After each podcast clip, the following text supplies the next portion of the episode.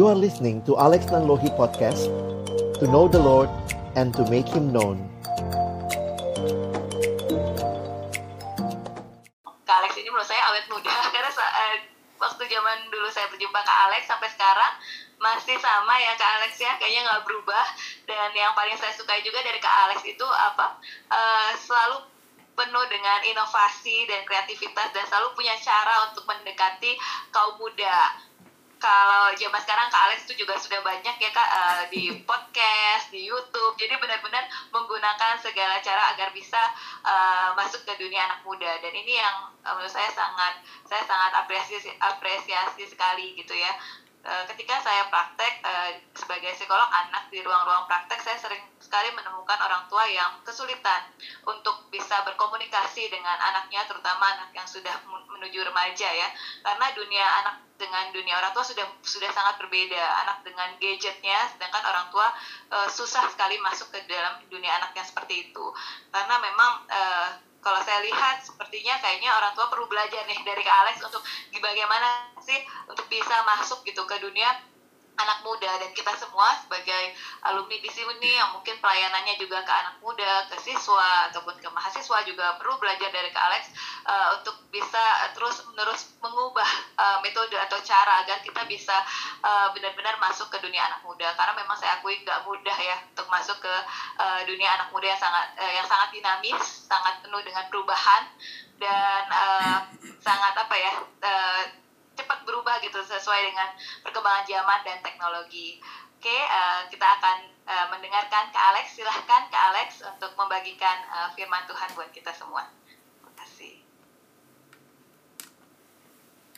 Baik, shalom, selamat malam teman-teman uh, dan juga ibu. Ada ibu Rama di sini. Shalom Bu, salam kenal juga. Dan buat teman-teman sekalian uh, senang ya boleh ketemu kayak reuni ya. Yang saya bilang tadi kita berzoom dan rasanya baru kemarin eh kok ya ya kalau mau bicara basa basinya ya kayak baru kemarin lihat teman-teman siswa khususnya yang pernah saya lihat masih pakai putih abu-abu gitu ya. Paling enggak saya masih ketemu Edu dulu gitu ya Edu masih putih abu-abu gitu dan itu pertama kali lah kesan pertama waktu ketemu di Red Red SMA 8 yang kita diserang ya malam-malam ya. Masih inget ya? Aduh dan itu pengalaman. Karena itu per pertama kali saya diajak Kak Lia untuk uh, ke Red Red SMA 8 dan uh, sejak itulah maksudnya jatuh cinta dan kenal banyak teman-teman dari berbagai angkatan. Jadi kalau yang angkatan sesama saya ini saya ketemunya di kampus di UI. Beberapa teman kayak Kak Sinta, Kak Grace gitu ya, uh, Kak Ina gitu. Itu ketemunya di kampus dan uh, yang lain-lain ini ketemunya waktu di SMA dan waktu di kampus juga. Ya senang malam hari ini boleh ketemu teman-teman semua. Dan uh, malam ini saya diminta sharing untuk uh, melihat kesinambungan pelayanan siswa dan mahasiswa bahkan sampai ke alumni. Saya sadar betul bahwa memang ini perlu banyak pemikiran mendalam. Jadi saya mungkin hanya memercikkan ide untuk teman-teman juga bisa merefleksikan dari pengalaman teman-teman ataupun hal-hal yang mungkin bisa jadi pathway yang baik untuk ke depannya khususnya bagi adik-adik yang dari SMA 8 bagaimana terus bisa dibina dengan continue ya saya mulai uh, coba share dari materi yang saya siapkan. Saya lebih banyak mau mengingatkan kita akan filosofi dulu gitu ya, karena saya pikir dasar ini jadi penting uh, melihat bagaimana pelayanan siswa dan mahasiswa. Ya, silakan deh. siswa dan mahasiswa uh, tetap penting untuk kita pikirkan dengan dengan mungkin kalau pakai bahasa yang sering sekarang intensional ya. Kita pikirkan dengan intensional nah jadi uh, saya ingat kalimat kutipan ini. Christianity isn't a religion it's a relationship with God through Jesus Christ. Saya pikir ini jadi satu kutipan yang menarik untuk kita ingat sama-sama bahwa kekristenan bukan sekadar kumpulan ajaran ya Kekristenan bukan sekadar sebuah ritual, walaupun di dalamnya ada ritual, di dalamnya ada pengajaran, tetapi kekristenan adalah relasi dengan Allah di dalam atau melalui Yesus Kristus. Ini akan menolong kita juga menghayati apa yang harusnya nanti jadi kesinambungan. Saya pikir perlu untuk kita hayati bahwa kehidupan kekristenan adalah relasi dengan Tuhan. Di dalam agama kepercayaan yang lain, saya pikir tidak ada permintaan untuk menerima pendiri agamanya sebagai satu-satunya Tuhan dan Juru Selamat di dalam hati agama-agama hanya mengajarkan lakukan these things, lakukan ajaran begitu ya. Tapi Yesus bukan hanya bicara ajarannya yang kita ikuti, tetapi pribadinya yang kita percaya, pengorbanannya membawa kita berdamai kembali dengan Allah. Jadi kalau untuk generasi GPS saat ini ya posisi sangat penting, maka saya pikir sejak uh, siswa gitu ya tetap jadi penekanan pelayanan kita sedang di mana orang ini. Kita memperkenalkan Kristus, kita memastikan bahwa mereka sudah mengalami hidup yang baru, menerima Yesus, bukan lagi hidup di dalam dosa, tetapi hidup di dalam Kristus. Sehingga uh, saya pikir penekanan pelayanan siswa maupun mahasiswa tentunya ada pada hal ini, ya. Bagaimana berelasi dengan Kristus, menerima dia di dalam kehidupan dan itu menandai awal kehidupan yang baru. Nah, kalau kita perhatikan di dalam kitab Kolose pasal yang kedua, saya mau kasih beberapa dimensi Alkitab tentang apa yang harusnya terjadi ya bagi orang yang sudah di dalam Kristus. Di dalam ayat yang ke-6, Kolose 2 ayat 6 dan 7, Paulus berkata, "Kamu telah menerima Kristus Yesus Tuhan kita." Nah, perhatikan menerima Yesus bukan akhir dari perjalanan rohani. Malah justru ini awal. Karena kemudian Paulus berkata, karena itu, jadi karena kamu telah terima Yesus Kristus Tuhan kita, karena itu hendaklah hidupmu tetap di dalam dia, hendaklah kamu berakar di dalam dia dan dibangun di atas dia, hendaklah kamu bertambah teguh dalam iman yang telah diajarkan kepadamu, dan hendaklah hatimu melimpah dengan syukur. Seluruh bahasa yang digunakan di sini sebenarnya menandai sebuah pertumbuhan. Paulus yang kaya akan ilustrasi, dia bicara dari ilustrasi pertanian ya, dia katakan berakar di dalam dia. Dia bicara istilah sipil dibangun di atas dia yang sebenarnya ini semua menandai eh, menandakan bahwa orang yang sudah terima Yesus harusnya tidak stay seperti itu saja, tetapi harus mengalami kehidupan di dalam Kristus yang bertumbuh di dalam Kristus. Jadi, kalau kita perhatikan penekanan kepada pertumbuhan yang berkelanjutan atau mungkin pakai bahasa kita malam hari ini, kesinambungan itu sesuatu yang di dalam Alkitab juga di diperintahkan lah kalau kita boleh pakai istilah itu ya. Ini bukan suggestion, tetapi sesuatu yang sifatnya adalah uh, perintah ya harus bertumbuh. Hendaklah kamu bertumbuh di dalam dia. Berakar atau mungkin pakai bahasa yang lain karena ini sebenarnya dalam bentuk pasif tadi ya. Kalau lihat terjemahan aslinya itu diakarkanlah kamu. Nah ini semua menunjukkan bahwa anugerah Allah bekerja di dalam dan melalui ketaatan kita. Jadi itu hal yang menarik untuk kita pikirkan. Nah di dalam kitab yang lain, ini kalau tadi Paulus bicara kepada jemaat Kolose, Kolose itu orang-orang yang baru percaya, maka Paulus mengingatkan tidak stay saja sebagai orang yang telah terima Yesus harus bertumbuh. Maka kita melihat ada konteks. Saya mau angkat sedikit tentang kitab Petrus ya. Jadi kita coba lihat murid-murid Yesus ya. Kalau tadi Paulus kan rasul tidak langsung dibawa Yesus, sekarang kita coba lihat murid Yesus ya. Petrus kepada jemaat dia memberikan nasihat dalam dua kitab ya, dua kitab satu Petrus dan dua Petrus. Nah, sedikit konteks pada masa itu ada dua ancaman yang dihadapi gereja di abad pertama. Gereja mula-mula adalah ancaman yang pertama dari luar. Dari luar itu penganiayaan dari pihak-pihak yang memiliki kebencian terhadap Tuhan Yesus dan para pengikutnya. Terutama karena perilaku mereka yang saleh. Jadi bukan karena jelek perilakunya, malah justru karena bagus. Karena mereka mau hidup taat, malah mereka dijauhi. Nah, tantangan ini dialami oleh gereja di mula-mula pada waktu juga Petrus menuliskan. Secara khusus, teman-teman bisa lihat di dalam kitab 1 Petrus. 1 Petrus itu uh, ancamannya adalah dari luar dan Petrus bicara banyak soal penderitaan. Jadi kalau baca satu Petrus itu konteksnya menarik sekali ya penderitaan. Tapi bukan hanya dari luar, gereja mula-mula yang juga masih sangat sederhana mengalami ancaman dari dalam yaitu berupa pengajaran sesat atau ajaran-ajaran sesat yang tentunya merusak iman orang percaya.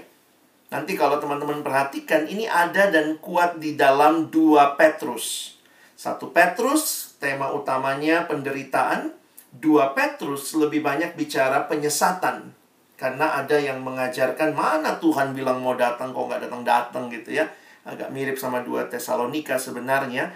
Nah jadi kemudian uh, di sinilah kita melihat bagaimana Petrus menulis surat. Pertama, satu Petrus dalam konteks penderitaan, penganiayaan, ancaman dari luar, dan 2 Petrus, ancaman dari dalam.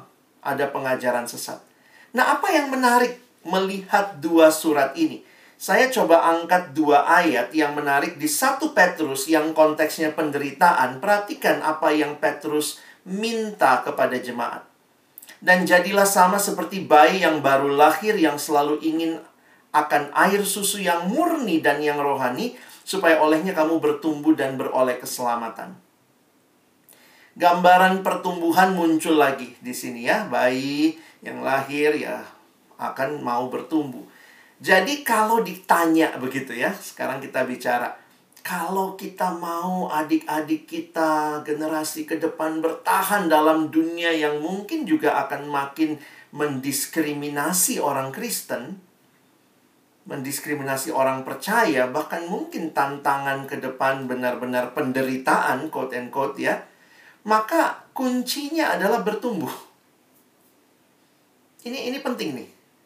Saya kadang-kadang kan kita bicara tips and trick menghadapi pergumulan, penderitaan. Saya beberapa kali bawain seminar orang nanya, anak baru ya, biasalah pergumulan gimana kak kalau temen ngajak nyontek dan segala macam.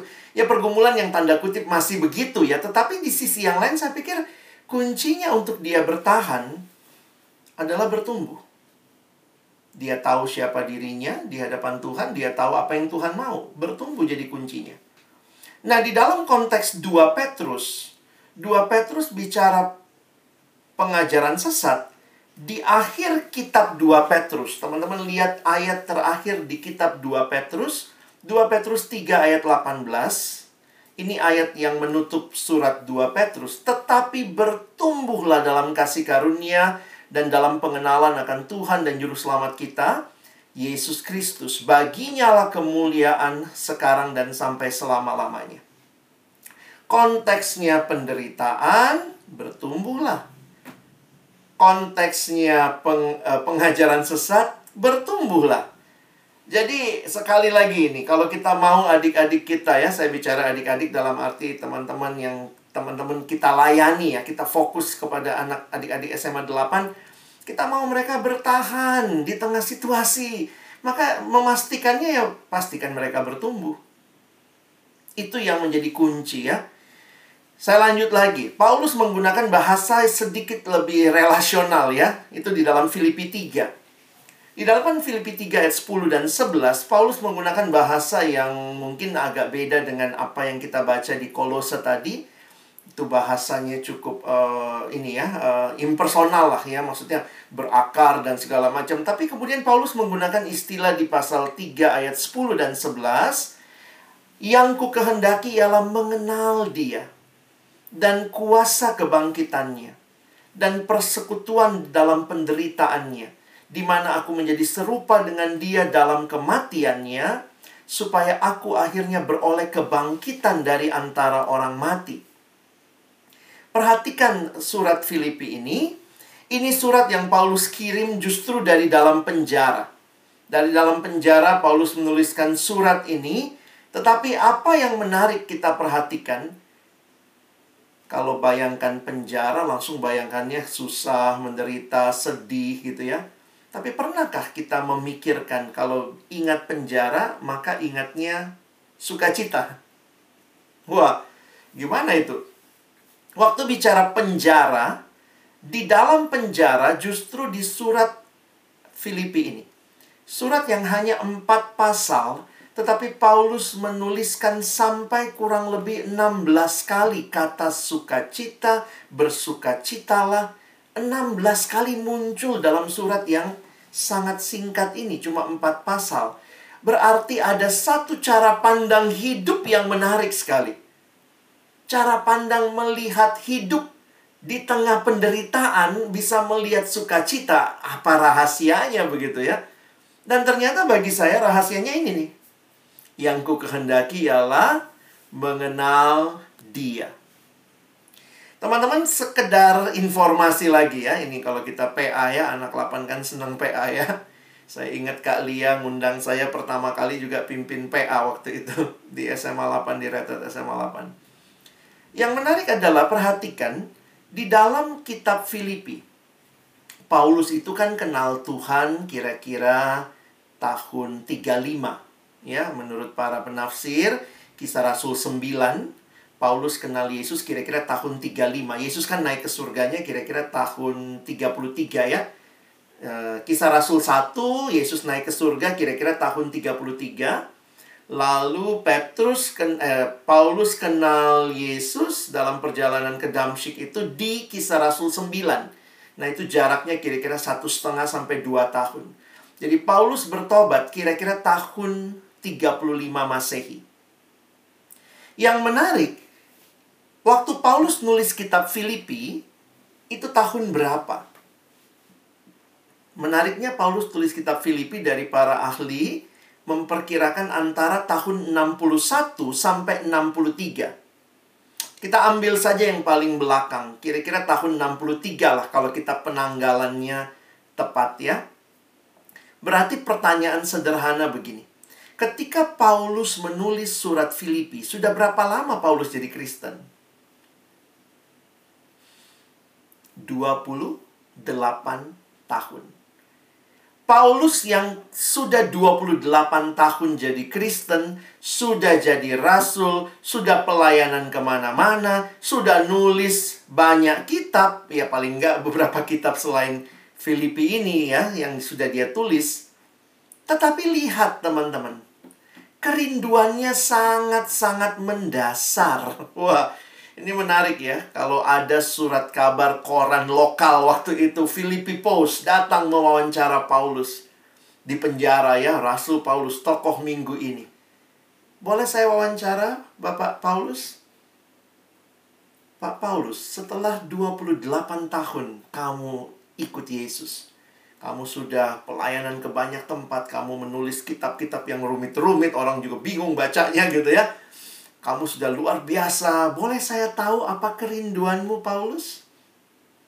Ketika Mike itu didekatkan ke mulutnya, Paulus berkata, "Yang ku kehendaki ialah mengenal Dia."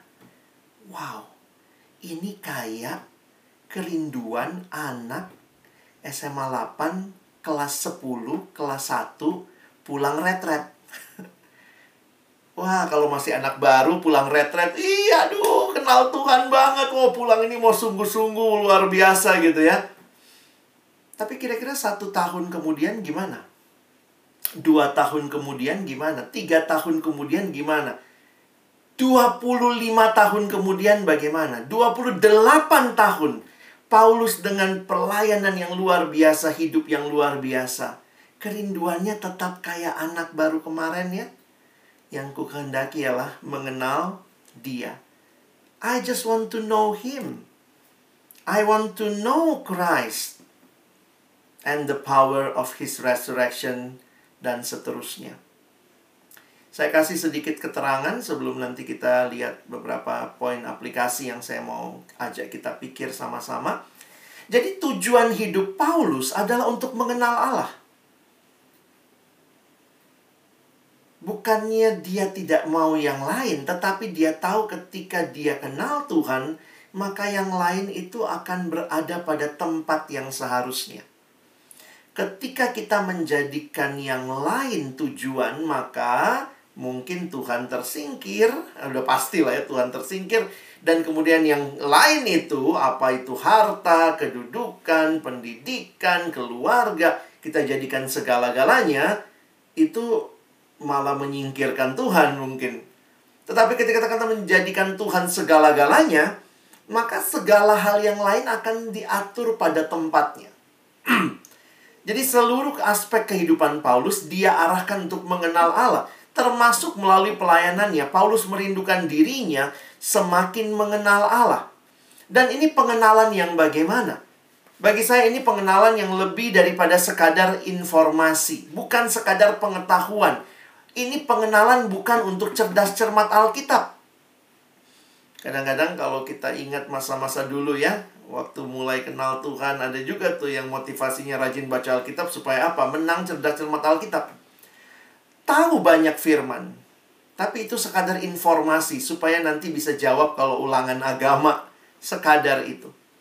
Tetapi pengenalan Paulus adalah pengenalan yang dimulai dalam relasi iman kepada Yesus titik mulainya di situ dan ini pengenalan yang saya tuliskan bersifat mengubahkan transformatif. Perhatikan kalimat Paulus. Yang ku kehendakilah mengenal dia.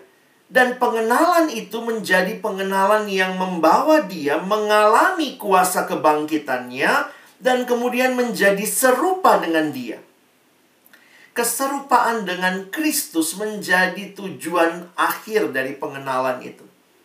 Jadi bukan sekadar pertumbuhan demi pertumbuhan, tetapi demi keserupaan dengan Kristus. Dan itulah yang terjadi terus-menerus. Bahasa yang lain, kita sudah lihat Paulus, sudah lihat Petrus, kita lihat sebentar Rasul Yohanes ya. Dalam bahasa Yohanes, dia menggunakan kalimat di 1 Yohanes 2 ayat 6. Barang siapa mengatakan bahwa ia ada di dalam dia, di dalam Yesus, ia wajib hidup sama seperti Kristus telah hidup. Oh, menarik ayat ini ya. Pertama saya ingat dapat ayat ini kira-kira saya SMA kelas 2 kali ya. Dan waktu ingat ayat ini kaget juga, hah? Sama seperti Kristus. Jadi kita tidak diminta dalam Kristus sama seperti pendeta kita, sama seperti kakak rohani kita, sama seperti guru agama kita. Karena manusia bisa gagal. Tetapi standar hidup keserupaan dengan Kristus menjadi kehidupan yang seperti Kristus yang harusnya terjadi dalam kehidupan kita. Jadi, teman-teman yang dikasihi Tuhan, saya cuma ingin mengingatkan kita ya, kalau hari ini kita bicara tentang kesinambungan pelayanan. Jangan berpikir yang butuh Tuhan itu cuma anak SMA. Kalau alumni itu uh, udah tamat juga kerohaniannya ya, enggak. Lihat Kolose, kamu sudah terima Yesus. Awal hidup Kristen bertumbuhlah. Menjalani hidup Kristen ada tantangan dari luar penderitaan, bertumbuhlah. Ada tantangan dari dalam yaitu apa? Yaitu pengalaman atau ajaran-ajaran yang sesat. Kuncinya bertumbuhlah. Waktu nanti kamu sudah 28 tahun kenal Tuhan, apa kalimatnya? Bertumbuhlah. Jadi sebenarnya kesinambungan yang kita pastikan bukan sekadar siswa jadi mahasiswa jadi alumni. Tetapi ada orang-orang yang makin hari makin kenal Tuhan. Satu-satunya mata pelajaran, mata kuliah yang kita tidak pernah lulus selama kita hidup adalah mata kuliah mengenal Dia. Belum ada dari kita yang selesai. Wisudanya nanti di sana begitu ya. Dan ini sesuatu yang terjadi. Kalau kita bicara kesinambungan, biarlah yang ada di pikiran kita bukan tahapan-tahapan tiga tahun siswa nanti apa. Tapi adalah kerinduan bertumbuh yang baik di awal, titik awal hidup maupun menjalaninya bahkan sampai di akhir hidup. Kalau nanti teman-teman lanjutkan membaca Filipi 3 ayat 12 sampai 14 persis di bawah ayat yang tadi. Yang ku kehendakilah mengenal dia. Paulus dengan jujur mengatakan, bukan seolah-olah aku telah memperolehnya. Ini kerendahan hati yang luar biasa. makin lama melayani, Paulus makin sadar diri. Makin sadar betapa dia masih terus mengejar. 28 tahun sudah tulis kitab-kitab penting. Bukannya sombong, saya sudah tahu semuanya. Tapi saya masih terus mengejar. Dan teman-teman bagaimana memastikan? Jadi jujur aja kadang-kadang saya pikir gini ya. Yang lebih tidak terkontrol buat kita sekarang jujur aja dalam dunia ini adalah yang alumni kali ya.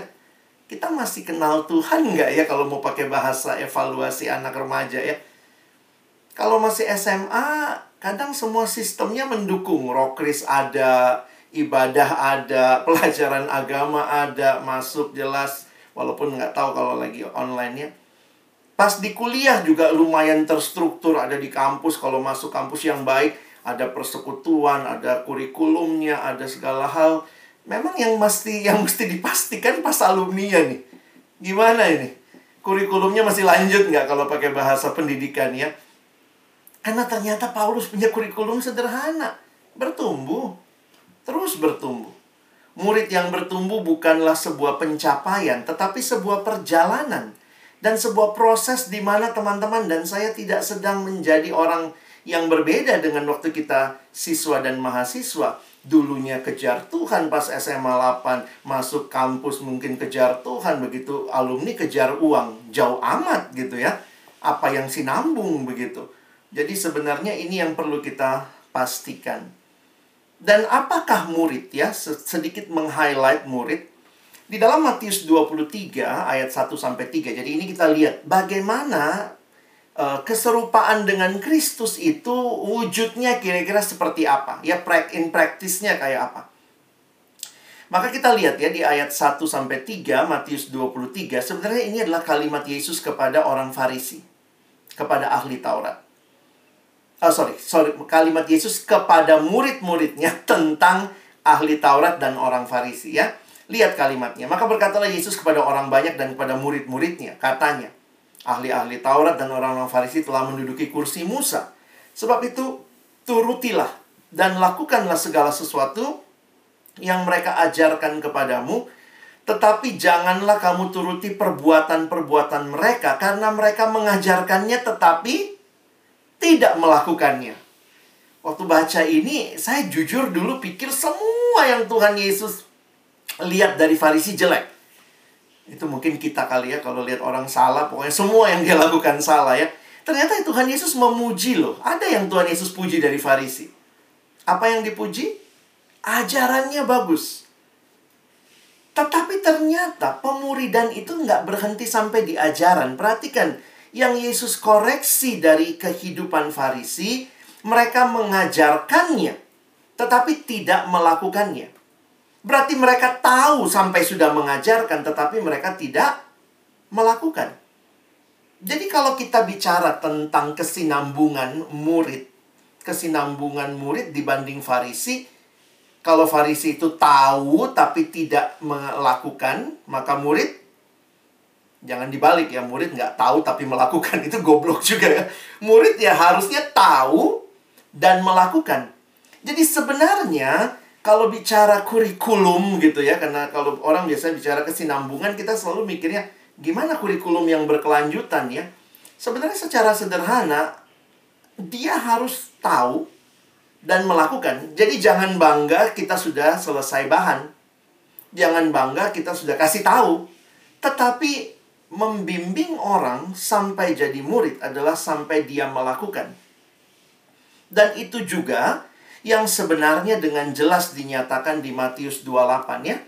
Kalau kita ingat ayatnya karena itu pergilah jadikanlah semua bangsa muridku dan baptislah mereka dalam nama Bapa dan Anak dan Roh Kudus dan ajarlah dan ajarlah mereka segala teori kekristenan, begitu kalimatnya?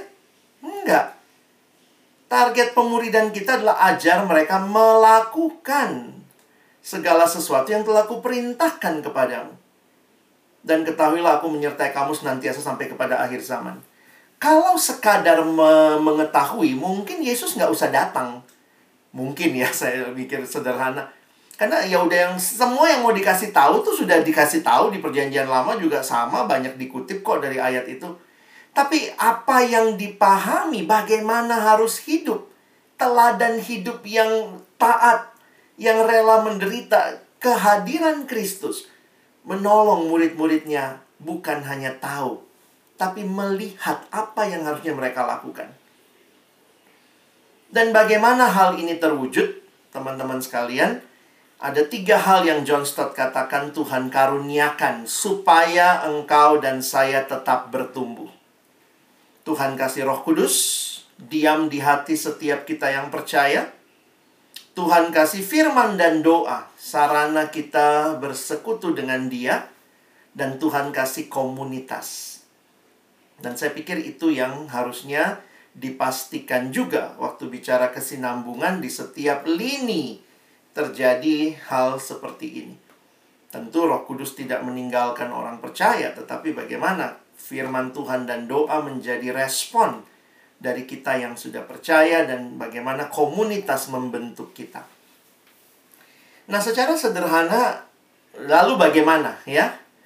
Ini kita bicara sederhananya lalu bagaimana kesinambungan itu? Kalau yang kita pastikan adalah terus bertumbuh sampai dia alumni terus bertumbuh, jadi murid, murid itu bukan tahu banyak hal tapi nol besar kelakuannya, tapi dia harus tetap tahu dan melakukan, maka eh, perlulah ya upaya yang disengaja begitu.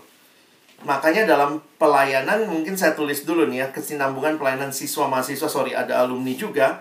Maka biasanya kita melihatnya sebagai sebuah tahapan ya yang memang nggak terhindarkan karena ada waktu di situ di pelayanan siswa itu tahapan yang pertama kalau kita memang sebenarnya kalau teman-teman sudah sudah masuk ke gereja juga jadi tahu ya kita nih kadang sombong juga di pelayanan siswa mahasiswa seolah-olah inilah segala-galanya. Padahal akhirnya kita sadar iya ya pelayanan sekolah minggu juga penting gitu ya.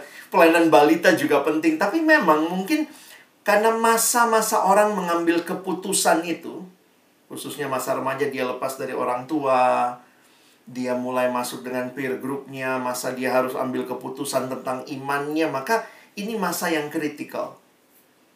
Kalau dia dimulai di SMA kelas 1 atau kelas 10 sekarang, maka e, kita memang melihat ya dalam pola pelayanan kita bilang mulai dari penginjilan, P2 pembinaan, P3 pelipat gandaan, P4 sampai pengutusan, tapi kita tidak bisa tutup mata bahwa memang fokusnya di pelayanan mahasiswa itu biasanya di P1 dan P2. Mimpi kita kan sebenarnya ketika siswa dilayani, maka pelayanan mahasiswa yang juga makin pendek tahunnya, harusnya kan bisa menuai hasil pelayanan siswa. Maunya sih di mahasiswa langsung P2, P3, P4. Tapi realitanya kan kita lihat sekarang di kampus juga masih banyak juga sekolah belum dilayani, Akhirnya waktu masuk kampus, teman-teman di mahasiswa di masa yang lalu menganggap semua anak nol, mulai dari nol ya, kayak Pertamina ya. Mulai dari nol ya Pak, gitu ya. Jadi diulang lagi di PI. Nah itu yang membuat beberapa adik-adik yang dilayani di siswa suka mm, males gitu. Karena dia udah dapet di di SMA, eh diulang lagi misalnya nanti pas di kuliah. Tapi kan kerinduannya sebenarnya begitu. P1, P2 beres di siswa, mahasiswa tinggal lanjutin P2, P3, P4. Nah, sekarang ini karena saya ada di pelayanan uh, mahasiswa dan siswa juga, saya melihat uh, memang kampus-kampus mulai sensitif dengan binaan siswa. Jadi akhirnya misalnya muncul di form, misalnya ada formulir atau perekrutan mahasiswa baru ditanya biasanya ya Apakah sudah pernah dibina di pelayanan siswa? Ya atau tidak? Kalau ya, apakah pernah ikut kelompok kecil? Jadi ada beberapa kampus yang menanyakan detail. Nggak, nggak mirip kayak kita zaman dulu, pokoknya yang masuk tuh nol. Semua dianggap masih belum terima Yesus ya. Sekarang mulai ada sensitivitas. Jadi tetap kampus melakukan penginjilan P1, tetapi uh, sensitif juga kepada teman-teman yang sudah dilayani sehingga mungkin bisa diberikan pembinaan lanjutan atau dibuat kelompok dengan mereka yang sama tahapan pertumbuhannya. Dan sebenarnya kalau beres di siswa P1, P2, 3 tahun, beres di mahasiswa P2, P3, P4, ya P2-nya itu kan hampir selalu terulang ya. Maka kan harapannya nanti di alumni ya P3 P4-nya lah ya pelipat gandaan dan pengutusan. Nah, ini memang mimpinya seperti ini. Jadi uh, mungkin kalau saya secara sederhana men, me, me, memberikan kepada teman-teman ini tahapan kesinambungan yang diharapkan. Tapi kan realitanya tidak seindah ini ya. Teman-teman juga ngalamin, pernah di pelayanan siswa, rata-rata saya kenal pernah masuk ke kampus juga melihat. Jadi ya ini memang yang saya pikir kita harus pikirkan juga ya. Gimana baiknya? Khususnya buat teman-teman yang khususnya SMA 8 gitu ya, SMA-SMA negeri unggulan yang bagi saya sudah cukup dilayani dengan baik. Harusnya uh, pelayanan mahasiswa bisa lebih cepat tanggap lah ya. Dan itu memang terjadi juga beberapa tahun terakhir ketika pelayanan siswa makin baik, masuk ke mahasiswa juga jadi kayak nggak banyak yang ngulang bahkan beberapa teman ada yang ditawarkan jadi pengurus karena sekarang regenerasi kampus-kampus rata-rata bulan Februari. Jadi memang agak unik juga karena semua di di apa dipindah ke Februari. Jadi itu orang baru masuk enam bulan. Nah, itu beberapa kampus berani tuh merekrut anak benar-benar baru berarti ya, angkatan baru untuk misalnya jadi tim kerja atau pengurus dan biasanya yang dipertimbangkan adalah pelayanan siswa. Nah, jadi mungkin ini yang saya bisa gambarkan uh, kerinduannya dan realitanya. Ya, sebenarnya kalau kita berpikir serius dan jujur, ini kan tidak terpisahkan sebenarnya. Memang belum ada kurikulum yang lengkap menyatukan keluarga dapat apa, dia kalau ke gereja dapat apa, lalu sekolah dan kampus seperti apa. Kita masih seperti ada tiga pembinaan terpisah yang tidak integratif. Jadi balik lagi kalau teman-teman bicara kesinambungan, yang mana yang mau sinambung? Dari sekolah ke kampus, tapi kemudian waktu gereja dia disconnect gitu ya. Kadang-kadang gitu juga tuh. Beberapa anak yang dibina di pelayanan siswa dan mahasiswa katanya nggak mau aktif di gereja. Nggak nyambung. Anak-anak gereja nggak bertumbuh. Nah ini juga jadi pergumulan gitu ya. Jadi uh, saya sadar betul, tapi juga kita mungkin tanda kutip bayar harganya masuk ke gereja tuh begitu untuk belajar merendahkan diri. Orang-orang baca ayat nggak di PA-in langsung na naksir kita belajar. Oh, begitu ya. Tapi bukannya Alkitab bilang begini. Jadi kadang-kadang kan kayak tahapannya lebih lama ya karena prosesnya lebih panjang. Nah, belum lagi keluarga nggak usah ngomong dah ya. Nggak semua keluarga care sama pendidikan rohani anak. Anak bisa les ini, les ini, les ini. Tapi jarang kan yang orang tua lesin Alkitab ke anak gitu ya. Kadang-kadang jadi lucu. Kalau saudara sepupu kita tuh dia memastikan anaknya kira-kira kelas 3 SMP tuh hatam, selesai ngaji. Jadi pulang sekolah ngaji, pulang sekolah ngaji. Kalau orang, orang Kristen kan pulang sekolah les, pulang sekolah les gitu ya. Nggak, nggak ada yang salah dengan itu. Tapi yang kadang-kadang saya sedih adalah memang kita nggak uh, kekristenan lah ya. Kita nggak terlalu punya kerinduan anak selesai baca Alkitab juga sih. Jadi ya uh, memang kebanggaan kita anak bisa piano, bisa musik, bisa bagus pelajarannya mafia, matematika, fisika biar bisa masuk SMA 8 mungkin gitu ya. Tapi itu realita-realita yang ada di sekitar kita. Jadi kerohanian memang bukan hal yang mudah dan saya saya nggak kasih jawaban apa-apa kali malam ini ya malah melemparkan isu mau sinambung di mananya nih. Di keluarga atau ini tiga, tiga pembinaan terpisah dan kita sedang bicara satu sisi aja sekolah kampus yang penting itu sinambung aman lah. Tapi buat teman-teman yang sudah masuk bahkan sampai ke tahap keluarga dan sekarang aktif di gereja, mungkin ke depan bisa berpikir lebih komprehensif tentang hal ini. Sebagai penutup mungkin kalau ditanya ya, apa yang dilakukan dalam pelayanan seperti perkantas? Karena saya ada di perkantas, ketika kami melihat fenomena kesinambungan ini, kami hanya sanggup sampai kepada tahap membuat yang namanya profil. Jadi akhirnya memang ada sekira-kira sekitar ini kalau buka rahasia dapur sedikit ya, sekitar uh, tahun 2007 kami berkumpul selama satu setengah tahun untuk menggodok perubahan pola pemuridan dari pemuridan berbasiskan bahan. Karena dulu kan bahan tuh jadi utama. Kamu udah sampai bab berapa? Udah bab berapa gitu ya? Nah, ternyata ketika berubah generasi, babnya bisa jadi gini, banyak yang sudah selesai bab itu misalnya. dia udah selesai bab 2 misalnya tentang saat teduh tapi nggak saat teduh tapi babnya udah lewat gitu. Jadi akhirnya kita melihat kayaknya bukan seperti itu deh pemuridan. Harusnya basis utamanya adalah profil. Apa yang dicapai dia sudah melakukan apa. Jadi dia tahu dan dia melakukan nah akhirnya kami mencoba membuat profil yang menyeluruh dari murid itu harus seperti apa dan uh, inilah yang menggantikan kurikulum berbasis bahan. Jadi maksud saya begini, dulu itu kami menganggap kesinambungan terjadi kalau bahannya dari bahan siswa pindah mahasiswa masuk bahan mahasiswa, nanti alumni buku PA-nya buku alumni. Kadang-kadang kita melihatnya berdasarkan bahan. Tetapi perkembangan yang dilihat bahwa ternyata tidak demikian. Sebenarnya juga sistem pendidikan berubah. Teman-teman bisa tanya ke Bapak Ibu guru sekarang, mungkin juga kayak uh, psikolog kayak Neta ngerti ya. Sekarang itu yang diukur bukan cuma anak itu tahu apa, tetapi dia bisa apa. Makanya sekarang agak bingung ya kalau mungkin kayak generasi saya balik ke sekolah, ada ujian praktek agama, Hah? agama ada prakteknya. Nggak ada tuh zaman kita. Zaman kita pokoknya cuma isi pilihan ganda atau itu yang apa ya.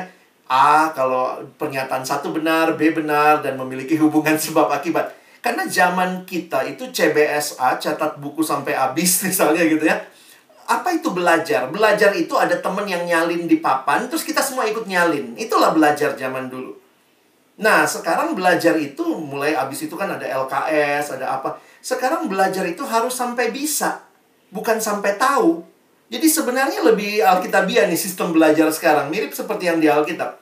Sehingga anak-anak ditolong harus bisa sampai tahu, makanya ada ujian praktek. Biasanya ujian praktek agama, suruh khotbah, atau suruh doa, tulis doa syafaat atau apa. Jadi mereka tidak hanya tahu tetapi sampai melakukan. Nah, jadi akhirnya kami berpikir bukan bahannya yang sinambung. Bukan hanya bahannya, maaf ya. Karena kita nggak buang bahan. Tetap ada bahan. Tetapi kita mau melihat profilnya yang nyambung. Nah ini kenapa? Karena di Perkantas sendiri ya. Karena ini saya lagi cerita Perkantas. Perkantas melayani siswa di beberapa kota. Tapi beberapa kota juga tidak punya kampus. Jadi beberapa siswa yang dilayani di kota itu, ini untuk daerah yang kecil ya yang tidak ada kampus di situ, siswanya kan pergi ke kota lain. Nah, harusnya kan siswa ini disambut di kota lain ya. Nah, kerinduannya ya ini dalam kerinduan kami pemimpin kelompok kecil dari kota sebelumnya menyerahkan profilnya ketimbang bahannya. Jadi misalnya anak saya ini sudah sampai di tahap ini nih. Bahannya sih sudah di sini, tapi anaknya masih malas saat teduh. Jadi pemimpin selanjutnya akan melanjutkan profilnya. Kalau perlu ulang bahan, no problem, demi profilnya tercapai. Jadi bukan hanya mengulang bahan saja, sorry, bukan hanya ya bahan diulang tanpa makna atau bahan dilanjutkan tanpa anak itu profilnya berubah. Nah, jadi ini yang terjadi yang kami lakukan dalam memahami kesinambungan tahun 2007 akhirnya kita mengeluarkan uh, profil murid yang sederhana yang kira-kira diinspirasi dari gambar ini, ya. Orang Kristen yang taat memang ya yang diukur hanya sekadar awalnya uh, profil basicnya. Orang Kristen yang taat dalam ilustrasi roda, dia seperti roda katanya ya di pusat hidup kan yang porosnya itu yang muter kalau roda yang muter porosnya harus ada Kristus. Dia harus terima Yesus.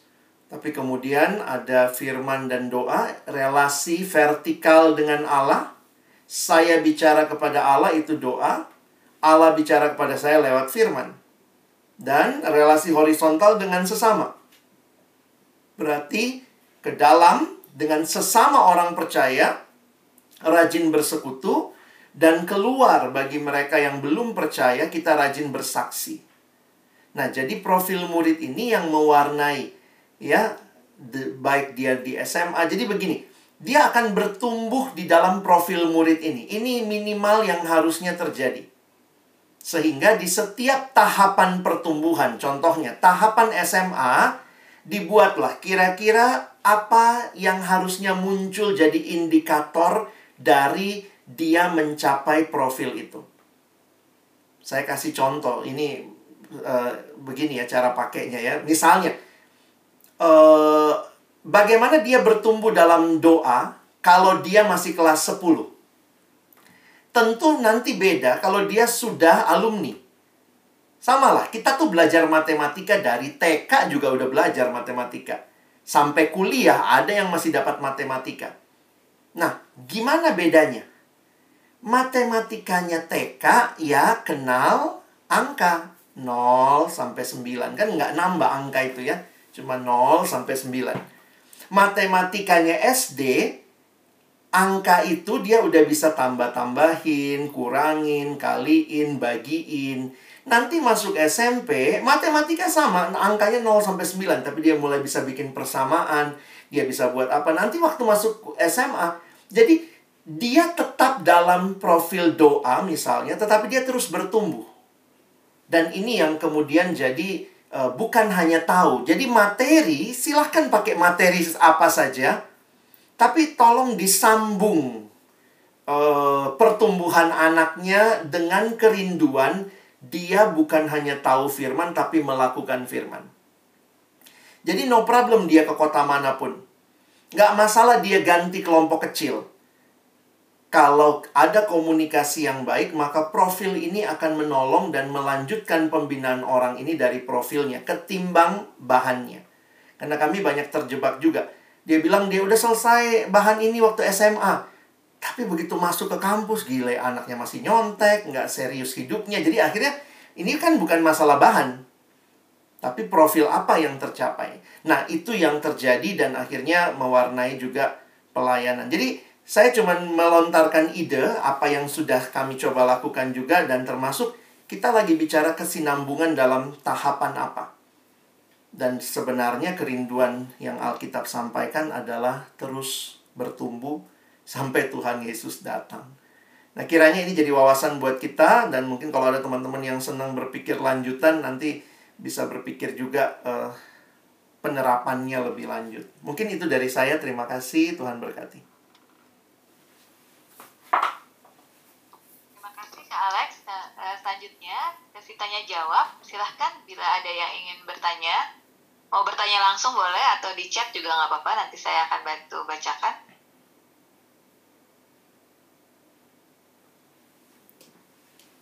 Adakah yang mau bertanya atau sharing juga boleh? Uh, boleh kak, kalau. Silakan. Ya silakan diri ya. Ya kak Alex, terima kasih sekali hmm. lagi kak. Uh, uh, ya sekali lagi kangen juga dengar kak Alex uh, khotbah. Akhirnya bisa ketemu di sini. um, terima kasih saya sangat juga um, terbukakan lagi ya kesinambungannya memang um, tidak sebatas siswa mahasiswa tapi lebih lebih komprehensif dan dan bukan sekedar bahan. Uh, kak aku ya saat ini uh, puji Tuhan karena pandemi justru kita bisa pimpin lewat Zoom toh. Jadi betul. aku nih di Mongolia justru uh, pemimpin kelompok kecil untuk adik-adik di Smandel sekarang. Mm. Yang kelas 11. Um, nah, uh, kami sudah selesai bahan Kak. Mm. Uh, saya pakai bahan dari uh, Sinclair Ferguson yang uh, Basics on Christian Living. Mm. Uh, Terjemahannya ya. Hidup Kristen, kehidupan Kristen. Iya mungkin ya. Oh, aku pakai Inggrisnya. Aku pakai iya pakai dari yang uh, websitenya uh, Ligonier oh. Connect, uh, ligonierconnect.org. Nah itu kami sudah selesai 12 bahan. Nah, hmm. Tapi sekarang Kak Alex me, me, sekali lagi melemparkan isu yang membuat saya justru jadi berpikir nih, ah sekarang aku harus cek nih dari 12 bahan yang mana yang kamu sudah lakukan. Kebetulan nah, kakak saya ada di sini, kan dua, dua orang di sini. gitu ya. Nah, Nah, tapi saya jadi berpikir karena sekarang kami sudah selesai, kami uh, lebih banyak diskusi justru sekarang yeah. diskusi hal eh, hal-hal yang isu-isu yang mereka tertarik. Um, tapi aku jadi berpikir aku akan evaluasi sedikit, aku hmm. mungkin akan sedikit pause untuk tanya mereka dari 12 bahan ini adik-adik yang mana yang kira-kira adik-adik sudah betul-betul lakukan. Hmm, hmm. Tapi sekarang aku punya pertanyaan gini kak. Iya. Pertanyaannya adalah eh, eh, lakukannya lakukan seperti apa juga gitu kan? Hmm. Kan Kita juga tidak mau terbatas misalkan eh, saat teduh, yaudah aku udah check the box hari ini udah baca gitu, Iya. Eh, our daily bread atau santapan harian atau renungan harian. Kira-kira Alex eh, eh, ada ada masukan eh, hmm. bagaimana untuk kita eh, bisa mengevaluasi mereka sudah melakukan yang itu dengan baik ya. Hmm. Satu bukan bukan hanya sekedar check the box. Kedua bukan jadinya justru jadi seperti eh, eh, ya legalistik gitu. Aku Iya. aku melakukan tanpa tanpa hati yang sebetulnya Hmm. paham esensinya gitu. Em, banyak juga memang akhirnya jadi jadi jatuh ke, ke sisi yang itu. Jadinya Hmm. akhirnya jadi sangat sangat fokus melakukan, tapi akhirnya eh, kehilangan kerendahan hatian, Hmm. kehilangan eh, cinta kasihnya. Hmm. Bagaimana kira-kira Kak Alex eh, sarannya Kak untuk mengevaluasi lakukannya itu? Hmm, hmm. Thank you, Dad. Ini pertanyaan yang sangat real ya. Dan ini juga yang membuat akhirnya saya saya banyak eh, memberi masukan di pelayanan siswa. Jangan jangan membuat orang seperti sebuah kayak ya sekedar legalistik checkbox gitu ya. Jadi dulu kan ada yang namanya raport kelompok kecil. Jadi itu eh, bikin laporan kelompok kecil mesti disetor tiap minggu. Saya pikir hidup orang tuh nggak dicek dengan begitu ya. Nggak tahu ya. Mungkin karena saya juga makin makin dewasa dalam arti makin tua ya. Kita kan makin ngerti ya. Hidup itu nggak model begitu tuh. Kamu checkbox tiap hari gitu ya. Nah karena itu memang jadi menarik untuk Eh, saya senang dengan beberapa istilah sekarang ya wala- wa- walaupun waktu saya pelajari ternyata ya Yesus melakukan itu ya journey together jadi kita tidak tidak kita tidak datang dalam mood evaluasi dan evaluasinya itu juga nggak mingguan bahkan nggak bulanan tapi more kita lihat hidupnya lebih menyeluruh sehingga bagi saya memang dulu kalau kita kebiasaan ya ajarin sesuatu harus ada proyek ketaatannya proyek itulah yang menilai sebenarnya dia memahami nggak yang dipelajari dan dia bisa nggak menerapkannya.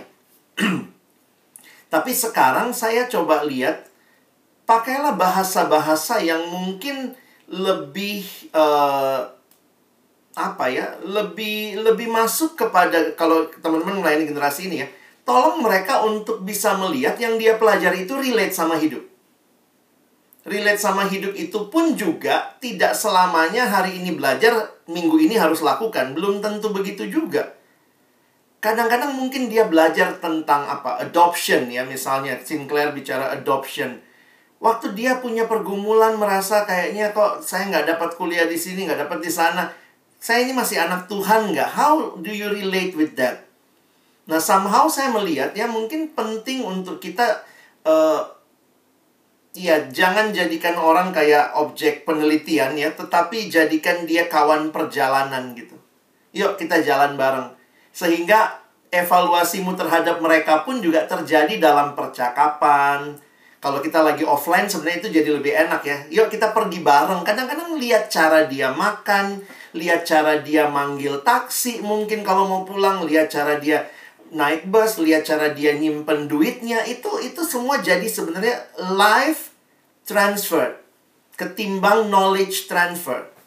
Nah, saya agak takut memang karena ya saya ngerti ya SMA 8, teman-teman saya juga gitu ya. Kita dulu mungkin sangat gampang terjebak dengan if you know then you will do it.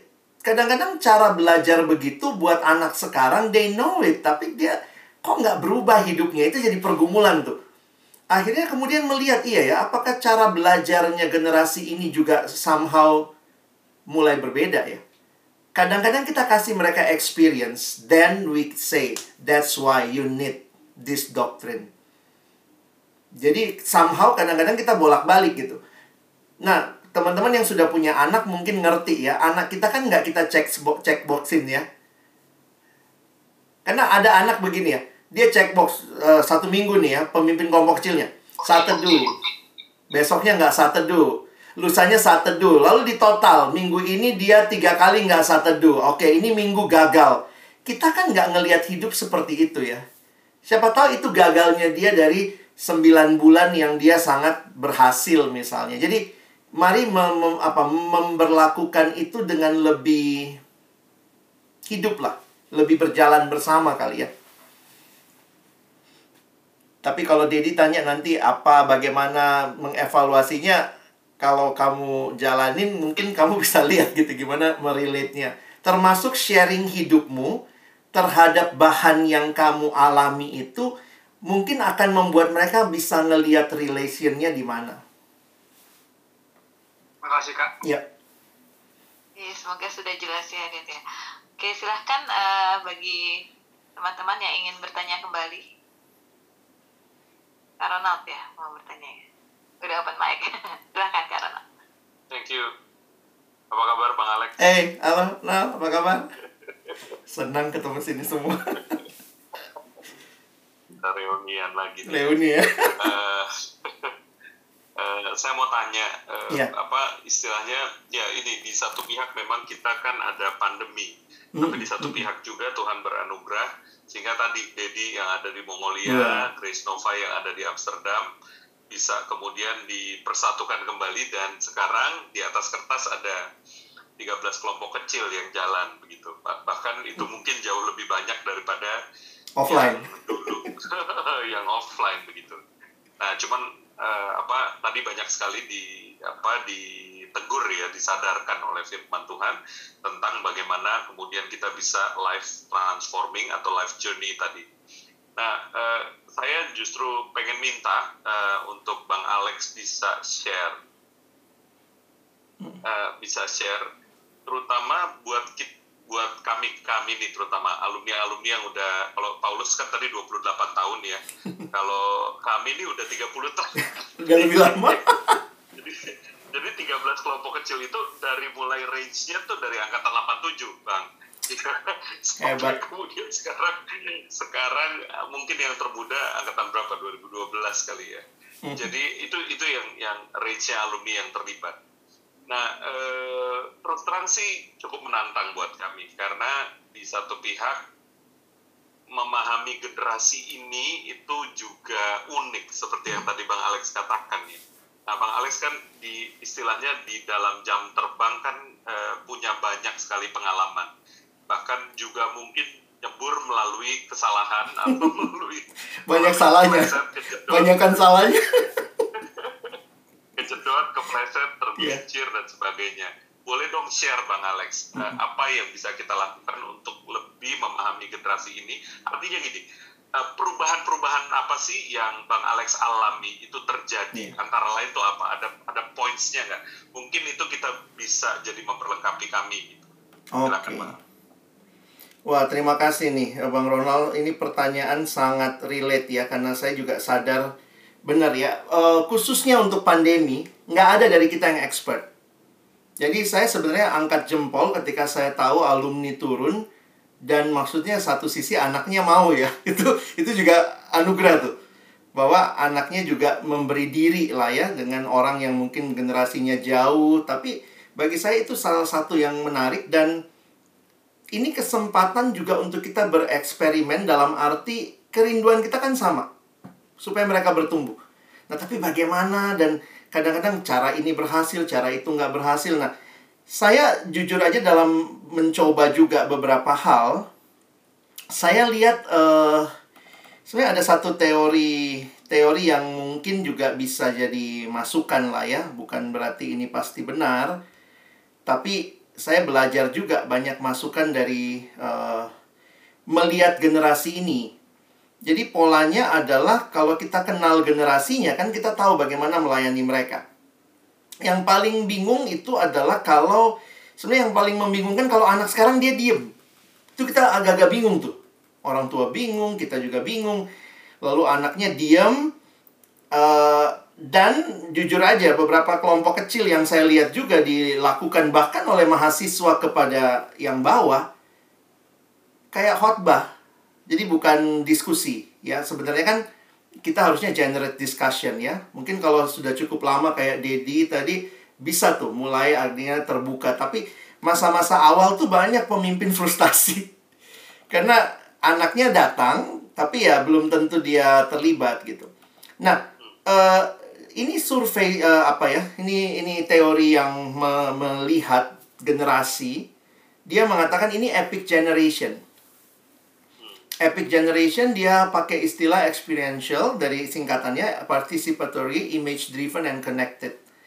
Nah, saya juga coba pakai ini di dalam pelayanan dan memang ya balik lagi ada gagalnya, ada berhasilnya. Cuma eh, keyakinan ini karena ini generasi yang experiential. Pingin belajar sesuatu dengan mencoba. Saya masih ingat lah ya, mama saya dibeliin HP yang dia lakukan adalah baca buku manualnya. Anak sekarang mana mau baca buku manual? Pokoknya pencet aja. Kalau dia nggak bunyi berarti salah pencet gitu ya. Kalau orang tua kan takut banget gitu ya. Nah, ini dari teori yang Kristen ini ya, yang menulis Pak Leonard Sweet ini, dia mencoba menulis dari sisi ini. Postmodern Pil- Pilgrims nama The Gospel According to Starbucks. Nah, poinnya sebenarnya adalah ini. Hidup. Jadi bukan berbagi hidup ketimbang. Jadi benar-benar kelompok kecil yang kita terapin selama ini kok gitu ya. Yang dibagiin tuh hidupnya, experience-nya, bukan cuma teorinya. Teori tetap penting, tapi ketika mereka lihat, anak sekarang lihat, ah teori doang. Buktinya gue kalah terus lawan dosa. Katanya kalau dalam Yesus nggak bakal jatuh pornografi. Gue masih jatuh, ini tambah jelek lagi jatuhnya di masa seperti ini. Gimana kita merelate ajaran Kristen dengan kehidupan struggle-nya dia yang day by day? Nah itu kita mungkin entah kita bercerita tentang pengalaman kita atau mungkin kita kita mesti masuk ke dalam sesuatu yang lebih lebih ini ya generate discussion participatory anak-anak sekarang eh, mau jadi content provider ketimbang cuma consumer. Beberapa kali saya bilang gini kalau kelompok kecil suruh anaknya setiap anak misalnya bawa sesuatu atau do something. Misalnya eh, teman-teman kita kelompok kecil ya teman-teman nanti bawa pokok doa ya coba. Kamu bawa pokok doa dari bangsa misalnya kamu nanti bawa pokok doa dari mana. Jadi nanti kamu sharingkan ketimbang semua di dalam acara kelompok kecil itu adalah pemimpin dan kamu dengar, kamu dengar, kamu semua peserta ya. Nah, anak sekarang tuh cepet bosennya kalau dia nggak ngapa-ngapain gitu ya. Image driven, saya suruh mereka sharing. Ayo silakan sharing, nggak ada yang bunyi. Tapi begitu saya tunjukkan gambar misalnya, coba pilih mana emosimu hari ini. Nomor berapa deh? Oh, langsung, wah, nomor dua kak. Terus kemudian dari nomor dua saya tanya, boleh nggak cerita, kenapa kamu pilih nomor dua? This is how they communicate. They use images. Kita kadang-kadang kan begini, uh, oke, okay, ada pertanyaan, diam tuh semua. Uh, malam kudus, sunyi senyap gitu ya. Jadi kadang-kadang kalau orang tua bilang ke saya, anak gua nggak mau ngomong, Lex atau gua apa pembimbing remaja iya anaknya nggak mau bicara nggak mau sharing. Anaknya nggak mau sharing tapi dia di Facebook nulis atau sorry di Instagram panjang lebar bikin story mungkin dia nggak nyaman bercerita. Kenapa? Nah kita mesti cari bisa jadi kita pakai image. Coba lihat Instagram banyak banget itu uh, image atau apa ya yang yang sebenarnya merelate dengan diri mereka apa kabarmu hari ini? Mungkin pakai block tree. How do you feel? Gimana perasaanmu hari ini? Udah, mereka kan asal pilih nomor seneng. Aku nomor 11, Kak. Nanti terus tanya, kenapa nomor 11? Gitu ya. Nah, somehow ini bidang-bidangnya neta nih ya. Pakai block tree dan segala macam ya. Nah, yang menarik dalam bukunya, si Leonard Swift bilang begini, Yesus tuh epic loh. Jadi kalau kita bilang ini generasi posmo, Yesus posmo dong ya. Experiential, participatory, image rich, sama connected. Nah dia kasih kesimpulannya ini. Jesus invited his disciples into experiences. Kadang-kadang Yesus nggak kasih teori menghadapi roh jahat dulu. Yuk, ke seberang yuk. Tuhan nggak nggak kasih teori okultisme dulu ya. Nanti kalau ada setan, kau mesti pegang kepalanya, bilang dalam nama Yesus pergi kau. Bukan itu. Yuk kita ke seberang gitu ya. Jadi beberapa kali Yesus sudah ngajar dulu baru muridnya datang nanya, maksudnya apa sih tadi gitu ya. He let them make decisions and take ownership in ministry. Ini bukan pelayanannya Yesus. Kelompok kecil yang teman-teman bangun tuh bukan kelompok kecilnya alumni kepada adik-adik SMA 8. Ini kelompok kecil teman-teman alumni dan adik-adik yang di kelompok teman-teman gitu. Dan itu mesti dibangun tuh. Kepemilikan. Apakah makanya saya bilang kalau kita kelompok kecil ajak mereka untuk yuk ya kamu bawa ini ya nanti kamu bagiin ini ya. Wah kita kemarin kehilangan banget kamu nggak datang. Padahal kan kamu udah janji mau sharingin ini gitu ya. He constantly use imagery to convey kingdom realities. Kerajaan Allah itu seperti Yesus banyak pakai imagery he allow even frustrating connection and dialogue between the disciples jadi uh, ya saya saya coba lihat memang uh, mungkin makanya saya uh, kalau tadi kak bang, bang Ronald nanya gimana, saya pikir ya coba pakai beberapa teori yang memang re, relate ya. Tapi apakah ini berhasil di semua tempat? Nggak juga. Nggak bisa juga. Tapi at least teman-teman bisa kenal generasi ini. Bukan, jadi jangan masuk dengan judgment. Mereka nggak mau sharing mereka nggak mau terbuka uh, ya sabarlah ya Tuhan Yesus juga butuh waktu tiga tahun juga masih kurang gitu tapi mungkin itu kali ya uh, experience yang boleh saya share thank you thank you bang boleh di itu tadi siapa ya penulis bukunya dan oh, iya. tadi uh, Nah. Ini menarik sebetulnya membuktikan juga bahwa kita berasal dari generasi mana. Karena tadi waktu Bang Alex share, harusnya kan saya tinggal harus screenshot aja kan gitu kan. Yeah. tapi yang saya lakukan adalah saya cari catatan. Nah, sama kita nal ketahuan angkatannya. Kalah cepet. Kalau ini Ryan Casey uh, ini Grand Skeldon oh, jadi uh, ini Terus yang tadi yang Postmo uh, sorry Leonard Leonard Sweet. Oh Leonard uh, sorry. Wah, ini menarik banget menarik banget. Leonard Sweet Oke, okay, the gospel according to Starbucks ya. Hmm. Oke. Okay. Thank you, thank you, thank you. Saya, saya boleh share sedikit tentang ini ya, pastor milenial ini. Saya tertarik memang waktu bukunya diterbitin sama Sondervan. Ini nggak, ah. kalau di gereja kita nggak masuk lah ini tatoan begini. Dia pastor milenial dan dia baru 30 tahun tahun lalu kalau nggak salah ya. Nah, yang menarik adalah dia tulis buku ini. Kalau teman-teman bisa cari, kami sudah terjemahkan ya saya minta waktu itu literatur perkantas coba terjemahkan gitu ya. Dan kita uh, tulisnya dengan uh, ini judulnya generasi penuh hasrat. The Passion Generation di Google Play ada. Kalau mau cetaknya juga bisa. Saya nggak promo ya saya jangan kontak saya kontak literatur ya. Nah poinnya adalah ah ini bagi saya menarik nih. The church doesn't have a millennial problem. It has a discipleship problem. Asumsi dia begini kalau kita bicara gereja punya masalah dengan milenial, nanti begitu generasi milenial selesai, ganti generasi apa sekarang? Uh, Z misalnya. Atau nanti muncul lagi alpha. Kita bilang lagi problem, problem. Dan memang kita pendekatan generasi di banyak gereja atau kita yang lebih senior ke bawah, mereka masalah nih. Anak sekarang nggak rajin, anak sekarang nggak ini, anak sekarang nggak hormat sama orang tua. Nah, dia bilang nih, si pastor milenial berbicara kepada orang tua dan anak-anak. Jadi bukunya bisa buat atas, bisa buat bawah. Dia bilang gini, kalau kamu mau mereka bisa lebih hormat, lebih sopan, muridin dong. Kan kamu yang lebih tua ya, maksudnya ayolah. Dan dia bilang sama yang muda, kamu mesti mau dimuridkan. Dan jujur teman-teman ya, saya kagum. Itu terjadi loh, 13 kelompok kecil ini. Dan teman-teman sudah punya modal ini.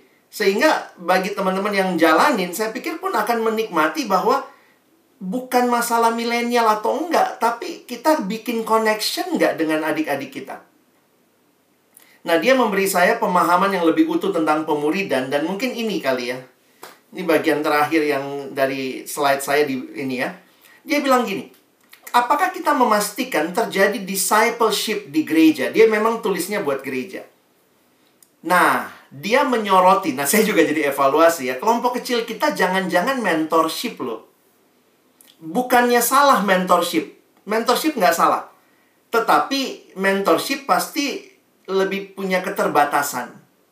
Gereja butuh mentorship, butuh juga. Jadi kayak kita punya bahan ya, come and meet with me. Datang, nah ya. Acara-acara gereja, come and listen to me.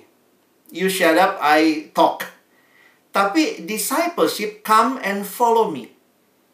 Jadi sebenarnya ini lebih personal. Makanya kalaupun teman-teman memimpin kelompok kecil, ingat perhatian kita kepada setiap pribadi anak. Karena ya kita sedang mendisciple mereka. Dia kasih contoh sedikit dari hidup dia ya. Dia bilang saya jadi begini karena ada orang-orang yang mendisciple saya.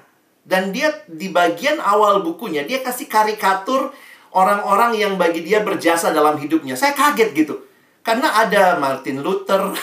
Loh, emang dia ketemu Luther di mana? Tapi dia merasa dia didisciple oleh Luther lewat bukunya Luther. Nah, dia didisciple ada orang-orang beberapa penginjil besar dia di situ. Tapi ada satu orang yang dia bilang orang itu mengizinkan saya masuk ke dalam hidupnya. Karena orang itu benar-benar buka hidupnya bagi saya. Dia cerita terakhir pengalaman temannya Temannya datang ke gereja, bilang sama pendeta, Pak Pendeta tolong muridkan saya. Apa yang pendetanya lakukan? Buka jadwal lalu cek. Waduh, muridkan. Saya udah penuh banget ini. Sibuk saya, nggak bisa saya muridkan kamu. Dia bilang, cara berpikir pendetanya adalah, saya cari waktu buat anak ini.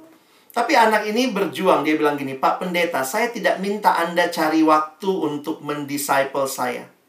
Pak Pendeta, tolong masukkan saya di jadwalmu.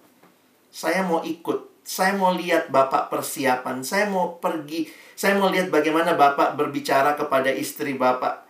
Masukkan saya ke jadwalmu. Wah, jadi bagi saya akhirnya iya ya, memang beberapa kali kita belum sampai segini ya tapi itu mungkin yang bisa terjadi karena discipleship itu sebenarnya sharing life. Mentorship mungkin sharing knowledge lebih banyak. Nah, kita butuh semuanya sih ya untuk pertumbuhan yang sehat. Saya pikir uh, carilah teman-teman perjalanan kita. Buat adik-adik ada abang-abang, kakak yang memberi diri itu sangat baik. Oke, itu dari buku ini ya. Thank you. Thank you, Bang Alex. Sama-sama. Oke. Okay. Ya, mungkin satu pertanyaan terakhir bila masih ada yang ingin bertanya. Tidak ada sepertinya ya. Oke, kalau tidak ada kita akan dari masuki SMA 8 kali kita Oh, dari SMA 8. Iya, boleh, uh, boleh. Silahkan. Siswa nih. Timi, timi. Dari siswa atau dan tiga orang siswa di sini. Ya, silahkan dari siswa nih, mumpung bisa ketemu Kak Alex langsung. Kak Alex sudah pernah bertemu mungkin ya dengan siswa ya? SMA 8, Kak? sudah beberapa ya. Kalau Timi mah Timi kan kenal ya. Dia lahir aja aku datang. ya saya Daryl, Timi silakan. Ya, absen ya Kak Didi. Nah, langsung ya Kak Didi kenal semua. Silahkan yang ingin bertanya. Daryl tuh. Ya, Daryl ya. Silahkan Daryl. gitu ya. Dari saya mungkin cuma ini sih Kak.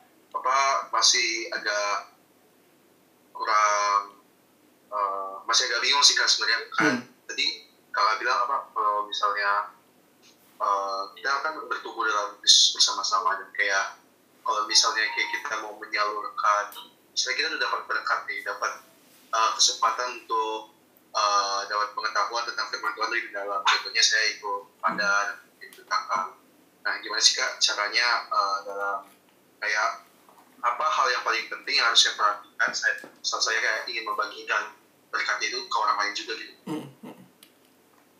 Thank you, Daryl. Ini hal yang menarik ya karena di dalam di dalam banyak penelitian terhadap generasi ini katanya generasi ini ingin mengubah dunia. Jadi uh, somehow kadang-kadang mereka keluar dari gereja bukan karena mereka tidak dilibatkan, tetapi mereka dilibatkan terlalu sedikit. Karena gereja masih seolah-olah miliknya orang dewasa. Nah, tapi saya nggak tahu yang uh, konteksnya persis sama dengan yang Daryl alami atau tidak, tapi kerinduanmu sangat baik. Dan saya pikir uh, coba secara kreatif kali ya, Daryl bisa cari cara untuk share apa yang kamu nikmati. Kadang-kadang Tuhan tidak meminta apa yang kita nggak punya. Jadi Tuhan meminta mungkin apa yang kamu punya. Kamu punya medsos, ya udah itu jadi tempat kamu bisa share. Kamu punya teman, kamu seneng ngobrol sama teman gitu. Ya itu jadi kesempatan kamu bisa pakai. Mungkin Kak Alex cerita satu pengalaman de, sekitar empat tahun lalu satu retret siswa mengundang saya uh, dan di dalam retret itu saya ngobrol lah ya kan biasanya kalau itu saya makan sama siswa waktu lagi lunch time lalu kemudian ada satu anak nanya kak gimana ya kalau ada kasus perceraian Wih, kaget saya lu anak SMA tanya kasus perceraian. Terus saya tanya sama dia, emang kenapa? Ada yang konsultasi kak sama saya tentang perceraian. Waduh, kamu anak kelas 3 SMA kok ng ngurusin konsultasi perceraian? Dia bilang, saya tahun lalu, jadi dia cerita ya, dia tahun lalu, jadi setahun sebelumnya, dia bikin channel apa uh, line line group dia bikin line group dan line grupnya itu dia tiap hari sharing di situ. Wah, saya kagum juga tuh. Dia cukup telaten, setiap hari dia sharing. Kadang-kadang dia cuma cari gambar atau ada kata-kata yang berkesan buat dia, dia tulis, dia share.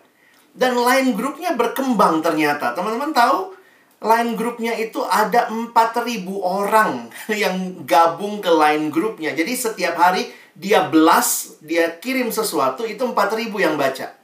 Kira-kira lah kalau semua baca ya.